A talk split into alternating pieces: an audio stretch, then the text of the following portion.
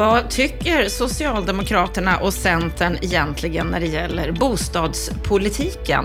Det ska vi få veta i dagens Bopolpodden. Vi ska få träffa Johan Lövstrand från Socialdemokraterna och Ola Johansson från Centerpartiet. Och de berättar, ja det är det här vi verkligen vill göra, det är det här vi tycker lika i, det är det här vi tycker olika i. Så varmt välkommen att lyssna in på det här andra samtalet som vi har i en serie av fyra då vi möter alla våra politiska partier kan det bli så att Socialdemokraterna och Centern regerar tillsammans efter valet. Det är spännande tider som vi befinner oss i just nu. Jag heter Anna Bettman.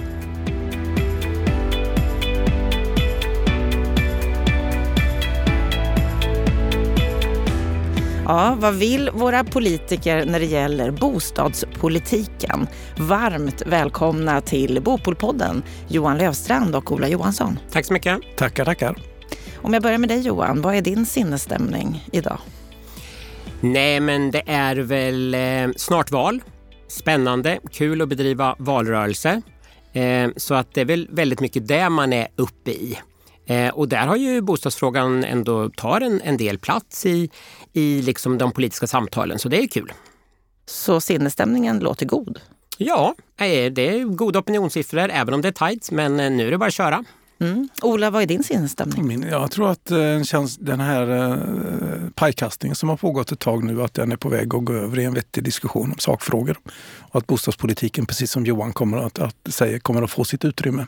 I och med att eh, till, till och med Centerpartiet börjar prata om, om möjligheten att underlätta för, för unga att ta sig in på bostadsmarknaden. Och det gläder mig oerhört mycket, för det har jag jobbat mycket med under... Upplever du att det är mer fokus på bostadsfrågorna det här valet än andra val?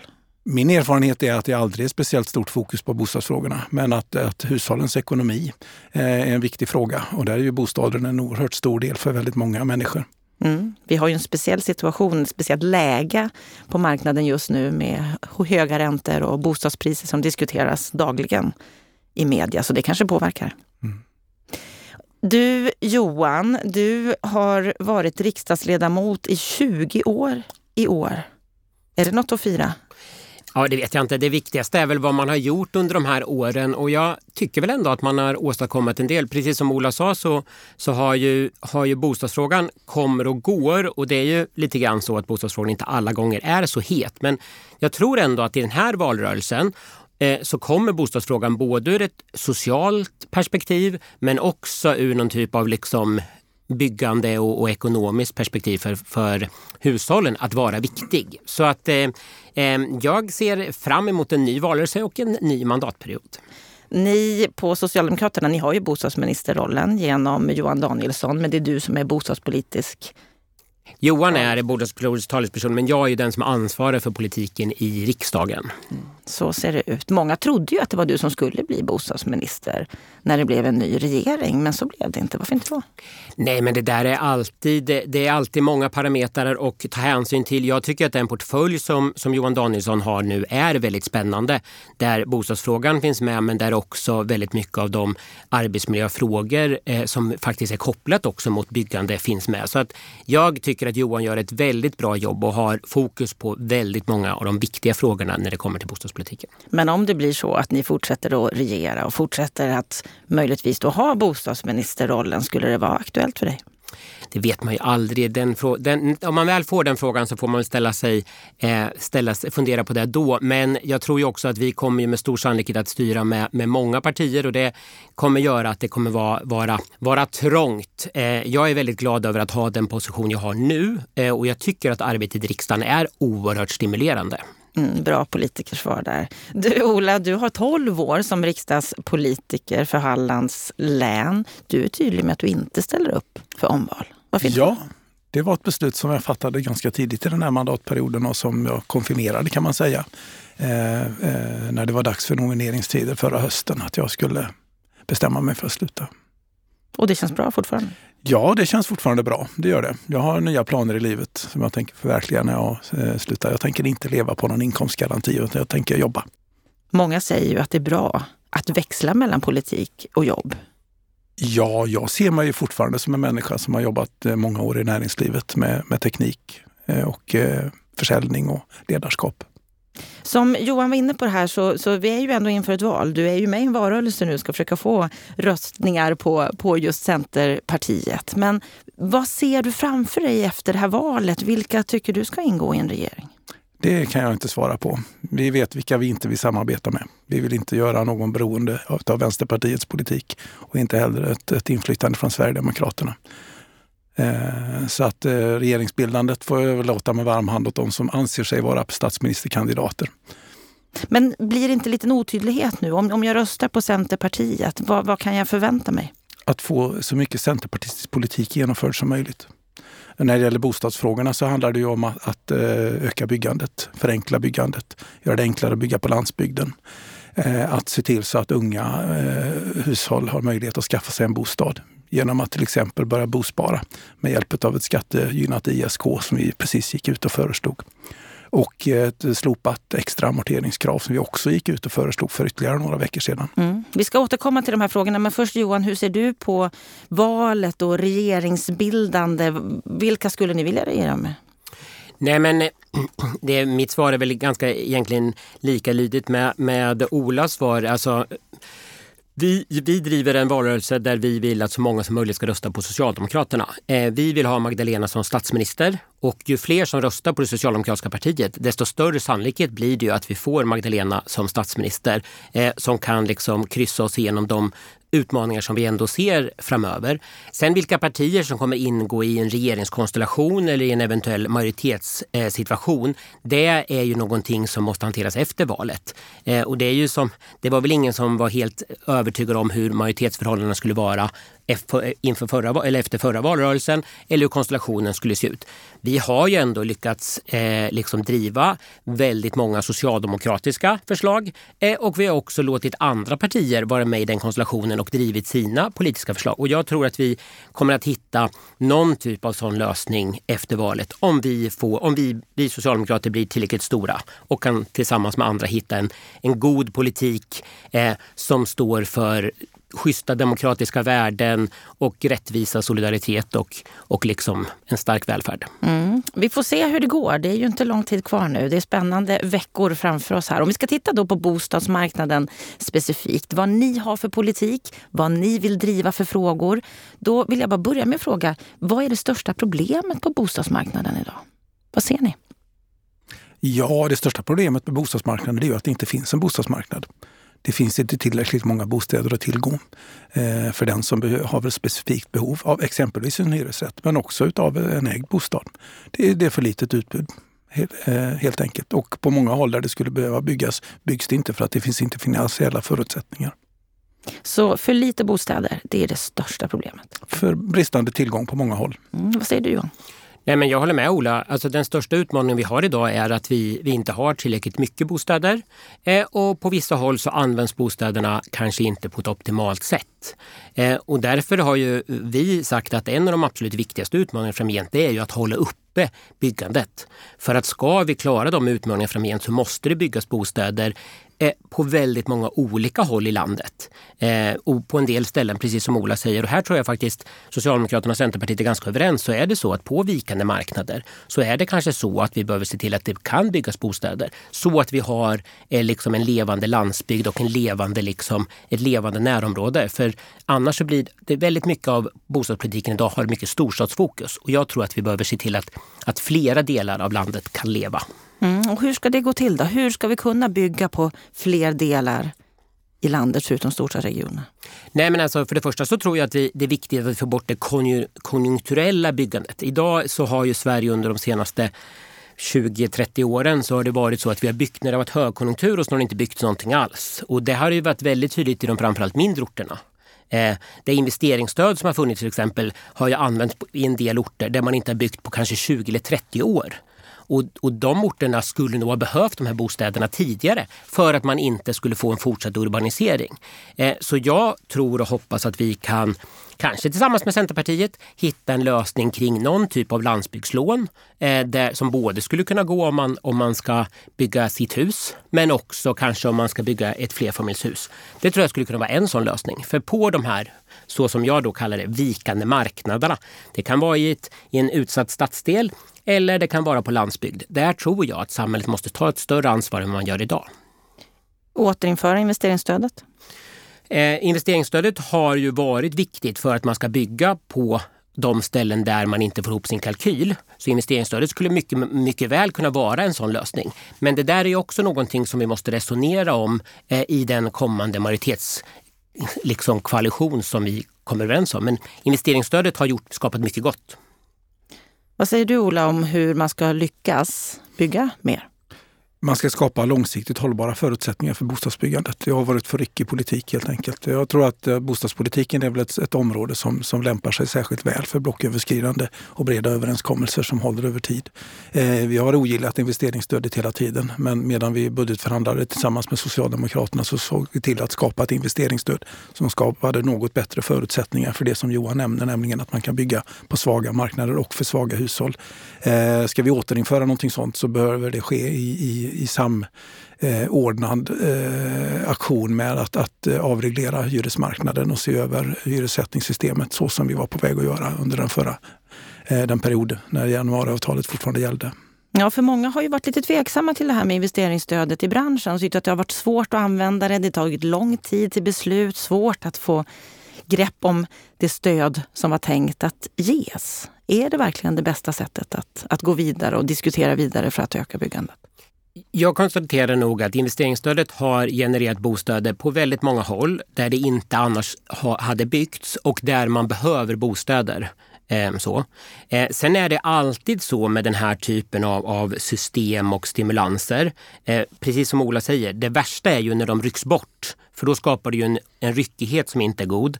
Men problemet med, med den här typen av stöd, och det tycker jag man ska erkänna, är ju att det skapas marginaleffekter och det skapas inlåsningseffekter som gör att det kanske byggs en viss typ av bostäder och framförallt kanske det inte byggs en viss typ av bostäder som skulle behöva byggas. Så att Investeringsstödet är ju det, det instrument som vi har haft och vi har sagt att vi vill återinföra det. Men jag tror att man mycket väl skulle kunna resonera kring andra stimulanser. Mm, och vad skulle det kunna vara som jo, faktiskt skulle kunna kosta lite skattepengar och ge någon effekt? Ja, men det som vi säger i vårt partiprogram till exempel är ju att vi vill ha ett stöd eller en stimulans för vikande marknader och där pekar vi väldigt tydligt ut att det är landsbygd och det är utsatta områden där det inte bär sig nu. Det kan finnas massor med olika förslag. Och vad är det för typ av stimulanser ni... Vi har för länge, länge sedan så, så, var vi några stycken som, som tittade på ett förslag kring mellankapitalfinansiering till exempel.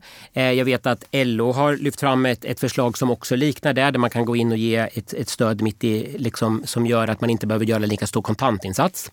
Vi har ju ett, ett, ett utrett förslag kring landsbygdslån Eh, så det finns ett antal olika modeller och jag tycker att man ska titta på de här och fundera på vad är det vi behöver och i vilka delar av landet behövs de.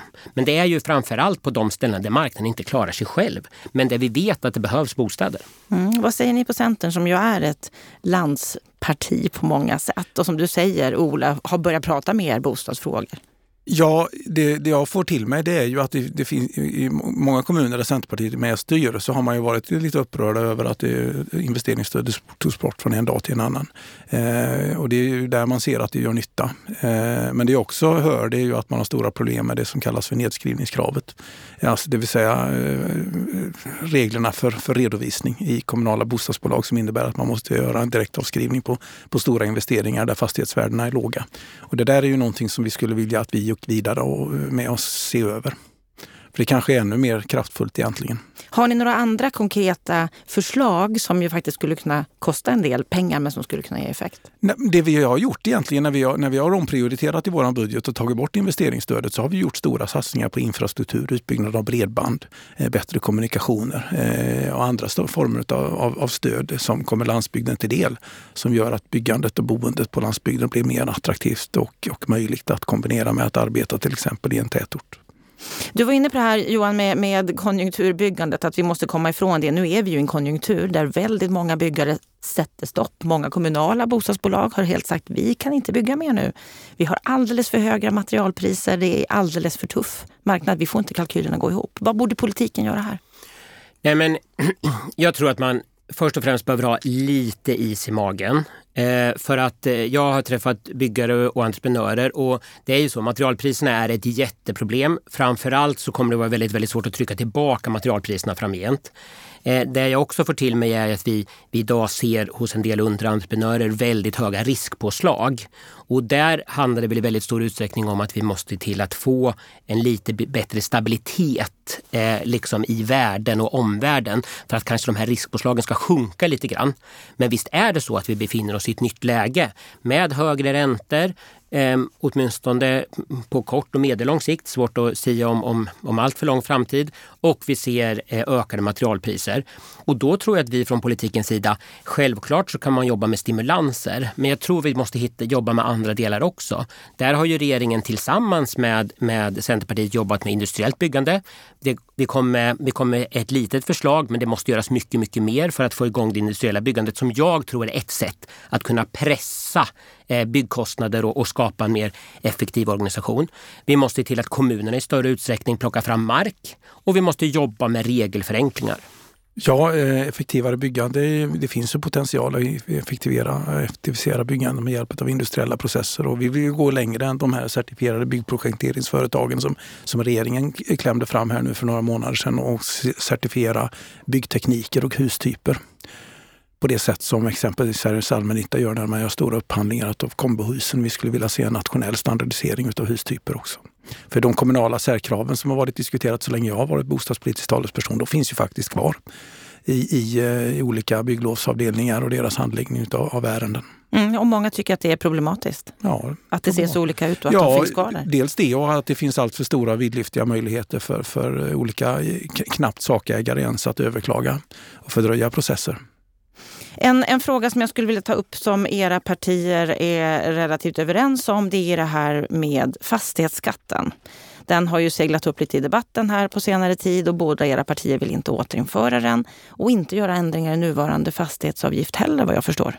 Skattepolitiken är ju också ett sånt här område som man behöver ha breda politiska överenskommelser kring. Och en översyn av skatterna på arbete, företag och eh, kapital och bostadsfrågor är ju också någonting som vi ville göra under den gångna mandatperioden men som vi aldrig kom igång med ordentligt. Mm. För det här är ju en fråga som, som behöver ganska bred överenskommelse i riksdagen och ni kanske ska samarbeta med, med både Vänsterpartiet och Miljöpartiet framöver som vill ha en ny fastighetsskatt. Kan ni lova att det inte kommer någon?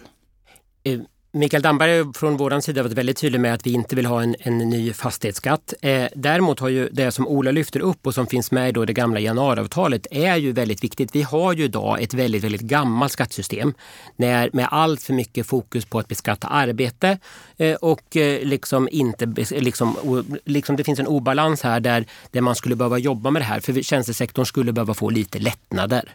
Eh, och den här, det här tror jag är viktigt. Sen kan man, kommer man säkert aldrig vara överens om nivå nivåerna. Men ett nytt skattesystem tror jag är en förutsättning för att Sverige ska kunna vara ett konkurrenskraftigt land i framtiden. Och kan det ingå då en fastighetsskatt där? Ja, vi har ju sagt att vi inte vill ändra på den. Så det är ju det besked som, som Mikael Damberg har, har gett och det är ju det som, som jag går på. Centerpartiets ledare Annie Lööf har varit väldigt tydlig med att hon tänker inte stödja en regering som planerar att höja några skatter eller införa några nya skatter. Och det gäller ju även den här eh, skatten som, som ska finansiera satsningar på försvaret. Det här är ju en, en, fråga som, som delar på många sätt. Många ekonomer förespråkar en fastighetsskatt och menar att det här är en skatt som man aldrig kan fly ifrån, en skatt som är mer rättvis. Men samtidigt kan man fundera på, är det rättvist att mångmiljonvillor i våra finare områden, Djursholm, Lidingö, att de betalar samma fastighetsskatt som mycket billigare hus på mindre orter? Vad säger ni om det? Jag kan väl konstatera att eh, eh, fastighetsskattesystemet är väl inte ett dugg rättvist. Eh, men jag tror att det är en realitet som är väldigt svår att ändra på. Det mest absurda i hela kråksången är väl att en, en tio-rummare på Östermalm beskattas eh, brutalt mycket lägre än vad en liten, liten, ett litet, litet friköpt torp gör på Östgötaslätten. Eh, på grund av att till exempel skatten på, på bostadsrätter är mycket lägre. Men jag tror att de orättvisor som finns i systemet kommer vara oerhört svårt att komma undan i och med att det är en oerhört, det är sån sprängkraft i frågan. Det behövs ett helt nytt skattesystem. Så småningom så tror jag det.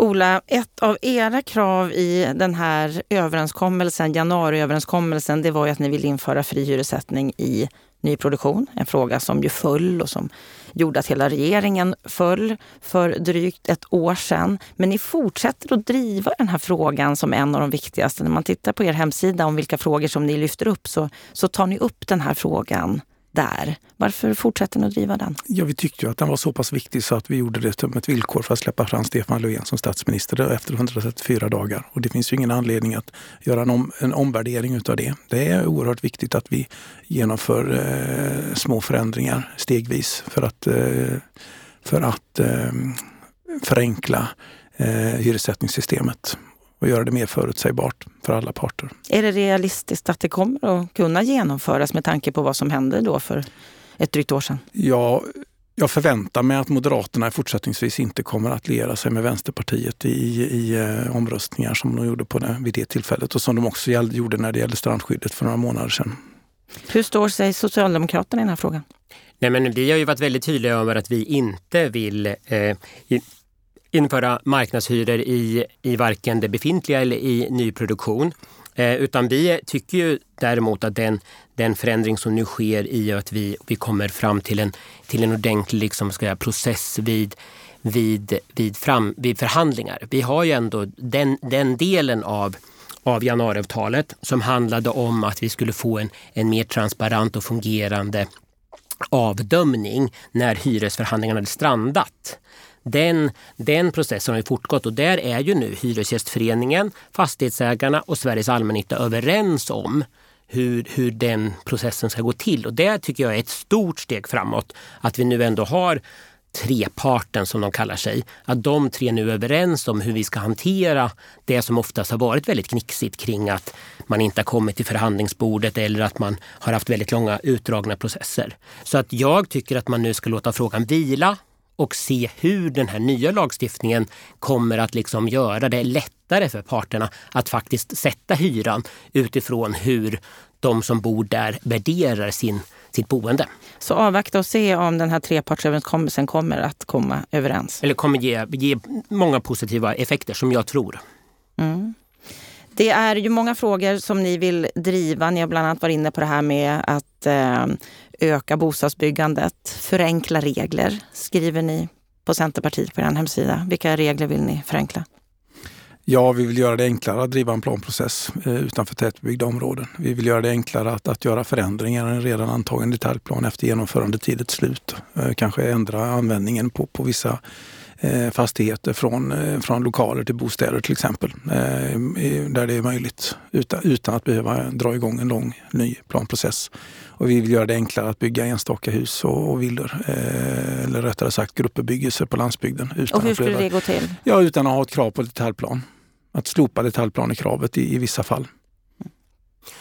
Och där tror jag ju att eh, jag hade varit jätteglad om några av de där frågorna hade varit ännu tydligare beskrivna i det gamla januariavtalet. Och jag hoppas att vi kommer kunna få se skrivningar där. För jag tror att det finns en del saker här där det finns en stor majoritet för att genomföra de här delarna kring större undantag eh, från gällande detaljplan till exempel. Det är någonting som jag tycker att vi borde göra omgående. Sen någonting som jag tycker diskuteras alldeles för lite det diskuteras väldigt mycket de kommunala särkraven. Men grundproblemet är ju att vi har eh, byggreglerna som idag liksom inkluderar ett antal liksom allmänna råd som skapar väldigt mycket av den här förvirringen. Och jag tror att vi skulle behöva se över hela byggregelsystemet för att skapa en, en, liksom en enklare och mer transparent, liksom, transparent system.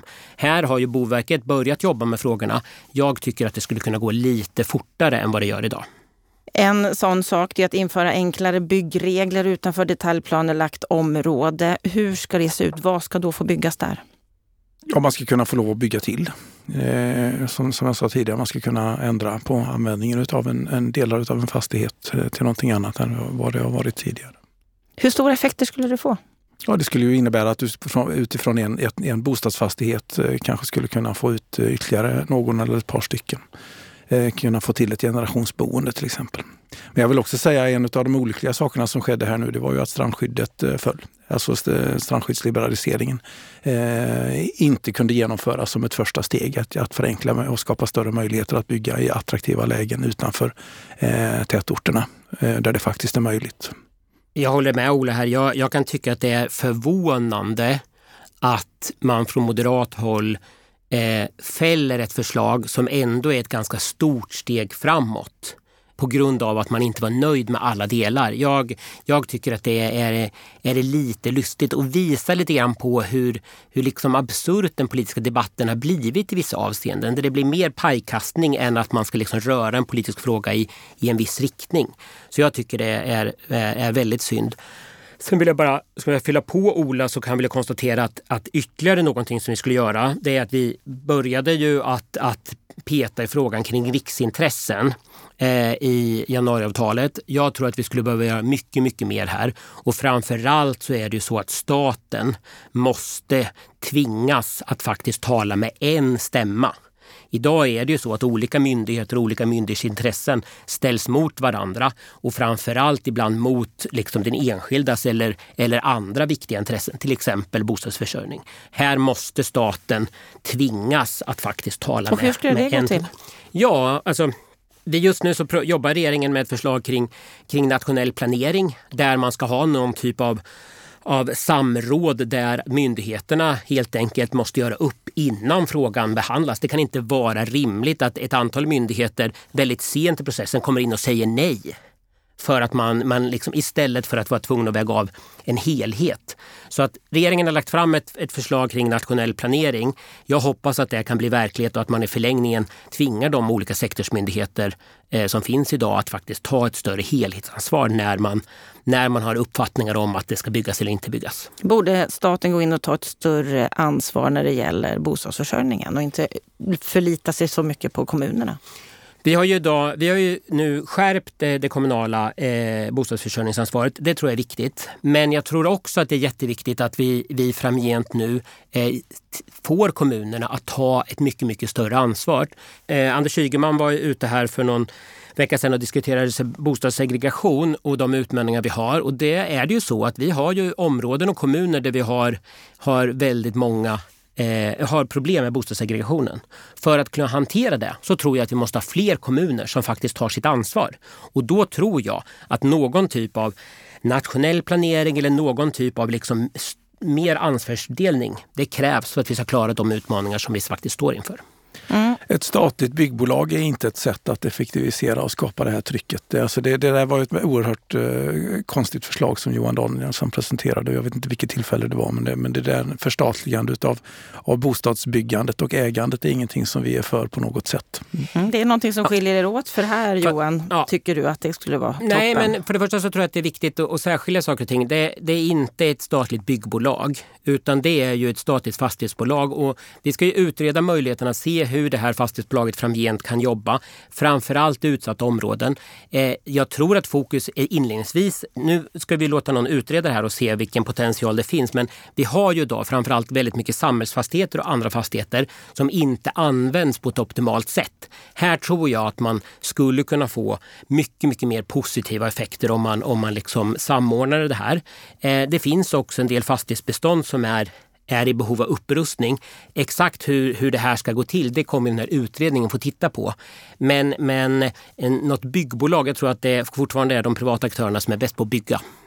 Mm, men ett, ett statligt fastighetsbolag då, om vi får korrigera det som mycket har snackats om här. Vad skulle det bli för större effekt jämfört med det som de väldigt många både kommunala fastighetsbolag och privata fastighetsbolag gör idag? Nej, men alltså, det är väl det som man låter, vi får låta den här utredningen titta på. Än så länge är det ju en utredning som ska titta på möjligheterna. Men ja, det fast är ni har initierat den. Ni ser att det här skulle ge en effekt. Ja, men ett statligt fastighetsbolag eh, kommer ju eh, ha mer muskler än vad en del av de kommunala bolagen har. Men, men jag förutsätter att man kommer att använda sig av ungefär samma regelverk. Men som sagt var, det här ska ju utredas och så får vi se hur man kommer kunna använda detta. För just nu så tror jag att vi har stora utmaningar runt om i vårt land.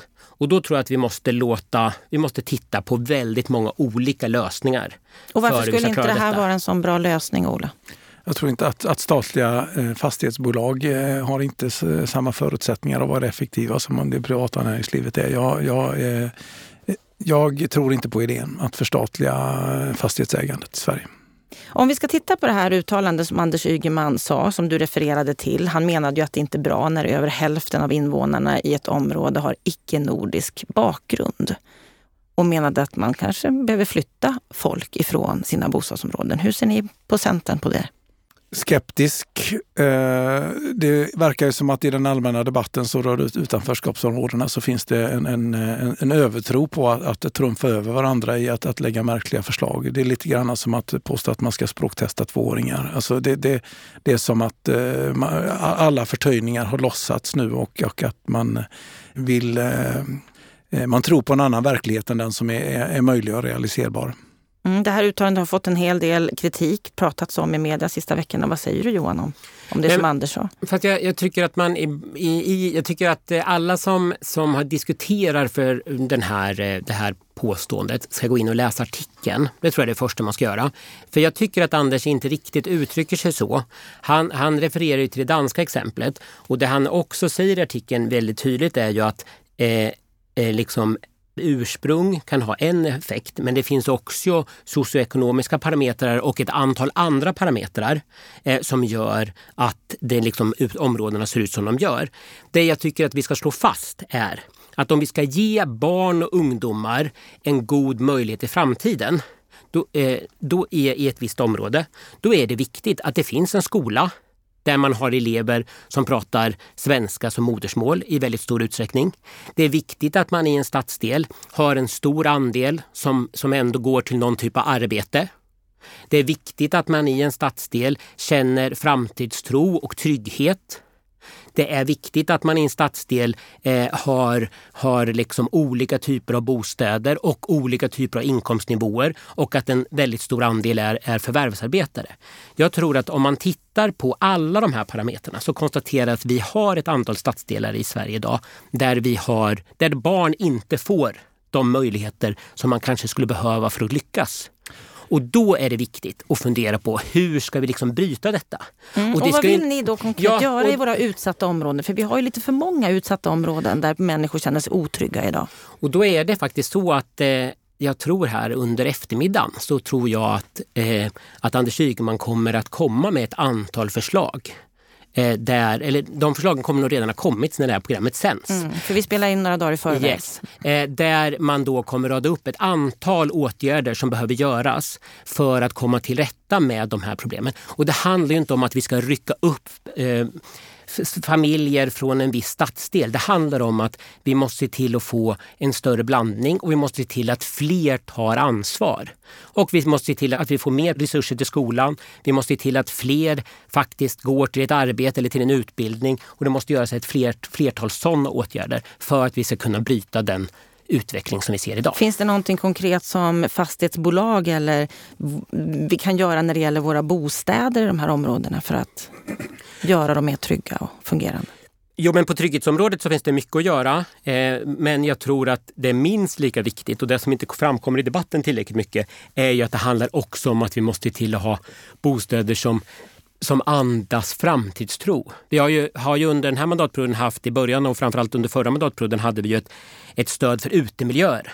Eh, det handlar om att rusta bostäderna så att det kändes trivsamt att vara i områdena. Jag tror att det är en jätte, jätteviktig parameter. Större fokus på sådana Stör, frågor. Såna. Mm. Men, Vad säger du Ola när det gäller just våra utsatta områden? Och... Ja, jag tycker en viktig princip ska vara att man ska inte behöva flytta för att kunna eh, få lov att äga sin bostad.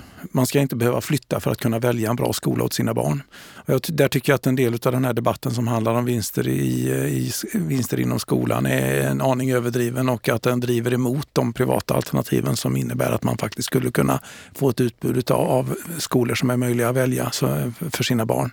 Och att, eh, att det inte blir en klassfråga eh, om man vill gå i en privat skola eller om man vill gå i, i en kommunal skola exempelvis. Och att, att man problematiserar en massa kring, kring, kring företeelser som utförsäljningar från allmännyttan eh, för, att, eh, för att man anser att det skulle vara skadligt för de människorna som bor i de här områdena tycker jag att det är direkt kontraproduktivt. Jag tror att möjligheten att, att kunna äga sin bostad och kunna bo kvar är en fantastiskt bra sätt att, att kunna bli integrerad och, och få en, en möjlighet att ta sig vidare i samhället. Där tror jag Ola har rätt i att, eh, att det är viktigt att kunna äga sitt boende och jag tror att det är jätteviktigt att man i ett om, område kan göra någon typ av boendekarriär om man nu får uttrycka sig lite slarvigt. För jag tror att det är viktigt att man när man lyckas eller när man liksom får ett jobb eller en högre lön att man då faktiskt kan bo kvar i området för att man är stolt för området. Men att man då kan, kan köpa sitt, sitt boende eller kö, hyra en, en, en trevligare lägenhet eller en finare lägenhet. Däremot så tycker jag att den här vinstjaktdiskussionen är viktig. För idag har vi ju ganska stora pengar som inte går till lärare eller skollokaler utan istället som går till vinster. Eh, till ett antal aktieägare. Och det kan ju inte vara syftet med skattepengar. Men vi behöver inte liksom ta den diskussionen. Inte just nu, för vi har tyvärr inte all tid som vi skulle vilja ha för det här samtalet. Men en sak som jag skulle ta upp när du, när du pratar om att det är viktigt att, att äga sitt boende och så vidare, så har du Johan sagt i Fastighetstidningen att, att ni vill skapa en större jämlikhet mellan upplåtelseformerna eftersom hyresrätten är missgynnad. På vilket sätt skulle du säga att hyresrätten är missgynnad?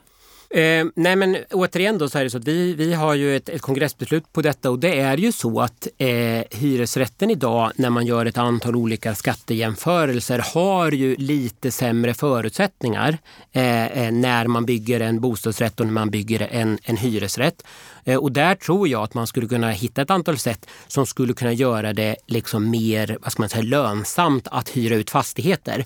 Eh, Olas lösning är ju att man är inför liksom marknadshyror.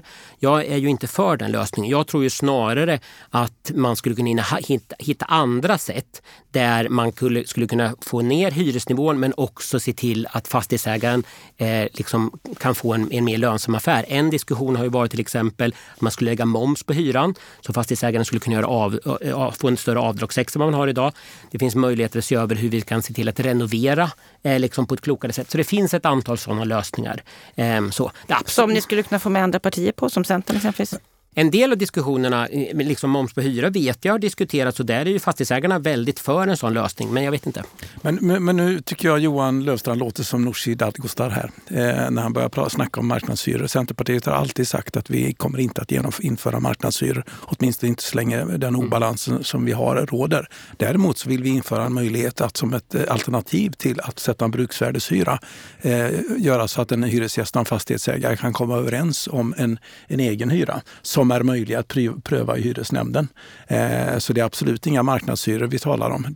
och definitivt inte hyror som är väsentligt högre än vad de skulle bli idag med ett förhandlat bruk, eh, vad heter det nu, presumtionshyressystem. Så att jag tycker att Johan gör sig skyldig till eh, överdrifter som är lite osnygga. Nej, jag ber om ursäkt för det. Jag, jag, det var, jag, jag slant. Det är bra, man kan ta tillbaka saker även som, som politiker. Jag skulle ta en viktig fråga med er som vi har diskuterat de senaste åren väldigt, väldigt mycket. Det har med kreditrestriktioner att göra. Det har med svårighet för många personer att ta sig in på bostadsmarknaden. Det är en av de frågorna som, som ni båda lyfter och pratar om här i valrörelsen också. Vad är det viktigaste för att hjälpa människor att, att ta sig in på en bostadsmarknad som ju du Ola menar inte ens Ja, men fungera. jag tycker att i den allmänna debatten och framförallt ifrån vänsterhåll så hävdas det att det är hyresrätten som är lösningen på, på bostadskrisen. Så är det ju inte. Utan ägandet är ju definitivt en, en, en oerhört viktig faktor för att se till att få fram de billiga hyresrätter som många pratar om. Nyproducerade hyresrätter kommer aldrig att bli billigare. Eh, utan det är ju att, att få en rörlighet i det befintliga beståndet som skapar de förutsättningarna. Och då gäller det att hitta ett alternativ till de människorna som bor i de här, som har bott ett tag i en hyresrätt, att kunna äga sitt boende. Så att öka rörligheten? Öka skapa rörligheten och skapa förutsättningar för de som är nya på bostadsmarknaden att komma in i ett, ett, ett, ett prisvärt boende som är ägt. Vi har en diskussion som handlar om, om huruvida vi ska ha en social bostadspolitik, om vi ska ha social housing. Jag föredrar att använda ordet affordable housing. Eh, som inte och vad är skillnaden? Ja, det, det är ju ett, ett begrepp som innebär att man eftersträvar bostäder som är överkomliga. Eh, både om de är hyreslägenheter eh, men framförallt också om de är, om de är ägda. Och hur skulle det se ut? Det Vad skulle, skulle det vara för typ av bostäder? Ja, det skulle skapa större möjligheter att bygga på ett enklare sätt enligt enklare byggregler. Eh, att eh, öka tillgången på mark för den som vill bygga själv. Att använda sig av industriella processer men också hitta finansieringsmodeller som innebär att du till exempel kan bospara. Eh, och att du får ett underlättat, eh, att, att amorteringskravet eh, lättar på ett sånt sätt så att du faktiskt har råd att, att spara och göra Så en både bygga enklare bostäder, det många skulle säga är social housing, men också förändra våra kreditrestriktioner? Enklare bostäder och mer standardiserade boenden mm. i så fall. För det, det handlar inte om att, att göra en, en, enklare standard eller bygga dåliga bostäder utan det handlar om att bygga på ett sätt som gör att det är kostnadseffektivt eh, och överkomligt för människor som har en, en, sparat ihop en slant och vill göra en, en insats eh, själv genom sparande. Vad säger Socialdemokraterna när det gäller att hjälpa människor in på bostadsmarknaden? Nej men alltså jag tror det absolut viktigaste är ju att vi måste till att, att eh, det måste byggas mer. Eh, för att vi har en bostadsbrist i det här landet och det behöver byggas fler bostäder. Det är det som kommer göra att vi också kommer få liksom, dämpa liksom, det efterfrågetryck som, som finns idag som driver upp priserna på det ägda boendet men också gör att vi har långa köer på det hyrda boendet. Det tror jag är en viktig bit. Den andra delen håller jag med Ola om. Jag tror att det är viktigt att vi ser till att öka rörligheten eh, så att bostäderna som finns idag i det befintliga beståndet används på ett så bra sätt som möjligt. Vi har ju till exempel idag väldigt många ensamhushåll som bor i villor. Eh, de här individerna kanske till och med skulle må bättre av att bo i, i, ett, i, en annan typ av boende men där det finns olika system som gör att man, man bor kvar. Så det tror jag är viktigt. Eh, sen så är det nog så att jag tror också att vi behöver jobba med det ägda boendet. Vi har väldigt många som vill äga sitt boende och då måste vi se till att ge möjlighet för det. Eh, där tror jag framför allt, för konkurrensen på det ägda, det ägda segmentet ändå fungerar ganska bra. Eh, där handlar det snarare om att vi måste få kommunerna att ta ett mycket, mycket större ansvar att se till att plocka fram mark där vi faktiskt kan bygga. Sen kan vi säkert jobba med både affärsmodeller men också med regelförenklingar som gör att man ytterligare kan göra byggprocesserna billigare. Men jag tror att vi behöver se till att det byggs både hyresrätter och ägda boenden som är till rimliga kostnader för de som ska flytta in där.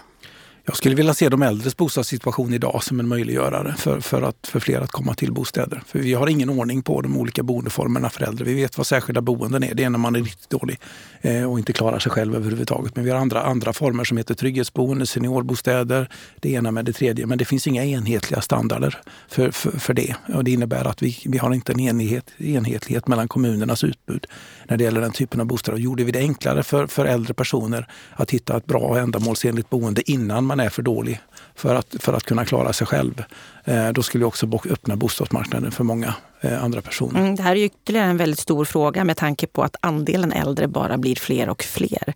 Och många menar att kommunerna de är inte redo överhuvudtaget Nej. för det här. Nej. Och, och, samtidigt så är det så att det skulle både vara en effektivitet för kommunerna eh, genom att de kanske skulle kunna organisera sin, sin omsorg på ett bättre sätt. Eh, men det finns ju också väldigt mycket studier som visar på att om man flyttar till ett mer anpassat boende så får man en mycket, mycket bättre livskvalitet. Man får en bättre hälsa, man får ett bättre socialt umgänge och man får väldigt mycket annat. Så jag håller med Ola, jag tror att på det här området så skulle man kunna göra väldigt mycket bra. Vi har två bostadsutredningar som kom här under våren båda ute på remiss just nu i slutskedet. Den bostadssociala utredningen av Karolina Skog och den om startlån av Eva Nordström. Vad tror ni, kommer de här utredningarna att leda någonstans?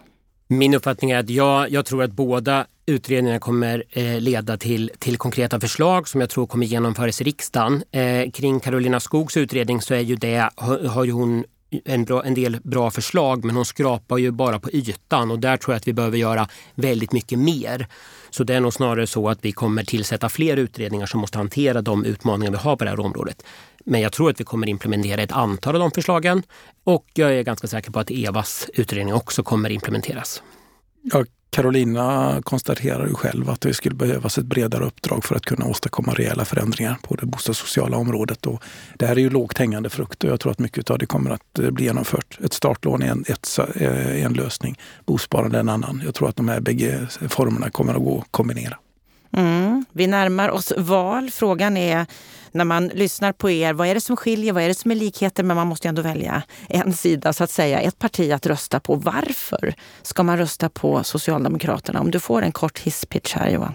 Man ska rösta på Socialdemokraterna för vi står för trygghet, stabilitet och eh, vi har eh, stora möjligheter att göra goda förändringar för Sverige i framtiden. Och varför ska man rösta på er när det gäller bostadsfrågan? Eh, och genom Magdalena. Eh, och eh, genom bostadsfrågan ska, vi rösta på, ska man rösta på Socialdemokraterna för att vi vill se till att hålla uppe byggandet och se till att alla grupper har möjlighet till en god bostad. Och varför ska man rösta på Centerpartiet? Centerpartiet vill mer för att reformera bostadsmarknaden i grunden och det visade vi under den här perioden som januariavtalet gällde och hade vi kunnat fortsätta med det så är jag säker på att vi hade kommit ytterligare en bit på väg och att vi faktiskt åstadkom den här jämnbördigare eh, förhållningssättet på när det gäller hyresförhandlingar. Det är ju tack vare att Centerpartiet har drivit på och lyckades få igenom den delen i alla fall. För det var sannerligen inte alla som var överens om att vi ens skulle göra detta. För någon. Eh, men det handlar om att se till så att fler kan få tag i en bostad i hela landet och alldeles oavsett oavsett om man är en svag bostadskonsument eller lever och verkar på en svag bostadsmarknad. Nu är det ju så att eh, vi får ju se hur, hur det blir med valet här. Vi fick ju höra av, av Johan att ja, vi får se vem som blir bostadsminister. Han lät ju sugen ändå kan man ju tolka det som. Vem skulle du vilja se som bostadsminister efter valet, Olle? Jag fick ju den frågan en gång, då sa jag Lennart Weiss. Det orsakade en viss munterhet i publiken. Jag tror att du var med Anna. Eh, nej, jag har ingen, ingen favoritkandidat, eh, det har jag inte. Eh, jag skulle vilja se en, en bostadsminister som har ett rejält eh, mandat och som kanske inte i första hand kombinerar bostadspolitiken med arbetsmarknadspolitiken. Därför jag tycker att den nuvarande bostadsministern lägger alldeles mycket kraft på, på arbetsmarknadsfrågorna och alldeles för lite kraft på att få fram fler bostäder. och här har vi ju sett ja, att de senaste åren så har ju bostadsministerrollen legat under olika typer av departement som socialdepartementet och näringsdepartementet, finansdepartementet och arbetsmarknadsdepartementet. Vart borde det ligga någonstans för att det ska bli effekt? Jag tror att det viktigaste är att ha en bostadsminister med ett, med ett brett mandat. Och i, nu är det ju ändå så att även om, om ministern sitter på arbetsmarknadsdepartementet så är det ju en stor del av tjänstemännen som sitter på finansdepartementet och det tror jag är, är, är bra. För en, väldigt många av de stora utmaningar vi har på det bostadspolitiska området då är ju faktiskt kopplat mot finansiella frågor. Eh, och ska vi klara framförallt den sociala utmaningen så måste man nog inse att det kommer att kosta en liten slant. Men det som Ola var inne på, att ha en bostadsminister som är en renodlad bostadsminister? Det där är nog jättesvårt. Alltså, jag tror att det viktigaste är att man har en minister som har ett mandat och som har ett väldigt, en väldigt, väldigt tydlig agenda. Eh, jag tycker ju att bostadsfrågan och framförallt nu bostadssegregationsfrågorna har fått väldigt mycket utrymme. Och det tror jag är viktigt för att vi ska kunna göra reell förändring, framförallt på det bostadssociala området. Jag skulle säga näringsdepartementet därför att eh, möjligheten att skapa arbeten och det, det som händer i svensk närings, inom näringslivet idag, inte minst eh, norröver, eh, indikerar ju att, att vi behöver komma ikapp med bostadsbyggandet på de platserna där jobben skapas idag.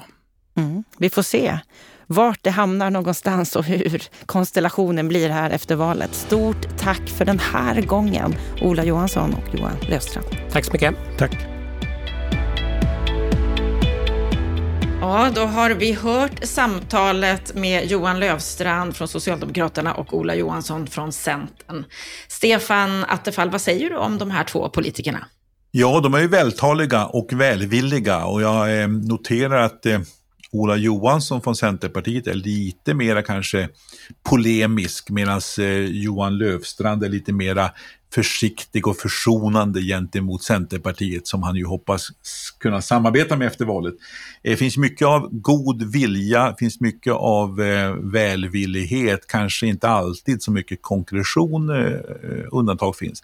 Eh, sen tycker jag också intressant när man jämför förra intervjun som vi hade med med Sverigedemokraterna och Kristdemokraterna Eh, med den här intervjun, att det finns också mycket likheter. Det finns mycket man borde kunna komma överens om eh, över blockgränserna. Det tycker jag också man kan notera, åtminstone när det gäller färdriktning. Sen göms ju alla eh, olika problem i detaljerna och, och strandskyddsreformeringen är ju ett sådant exempel som stupade i riksdagen eh, därför att det var inte tillräckligt långtgående tyckte då eh, oppositionen medan eh, regeringssidan ville ha en reformering men inte så långtgående.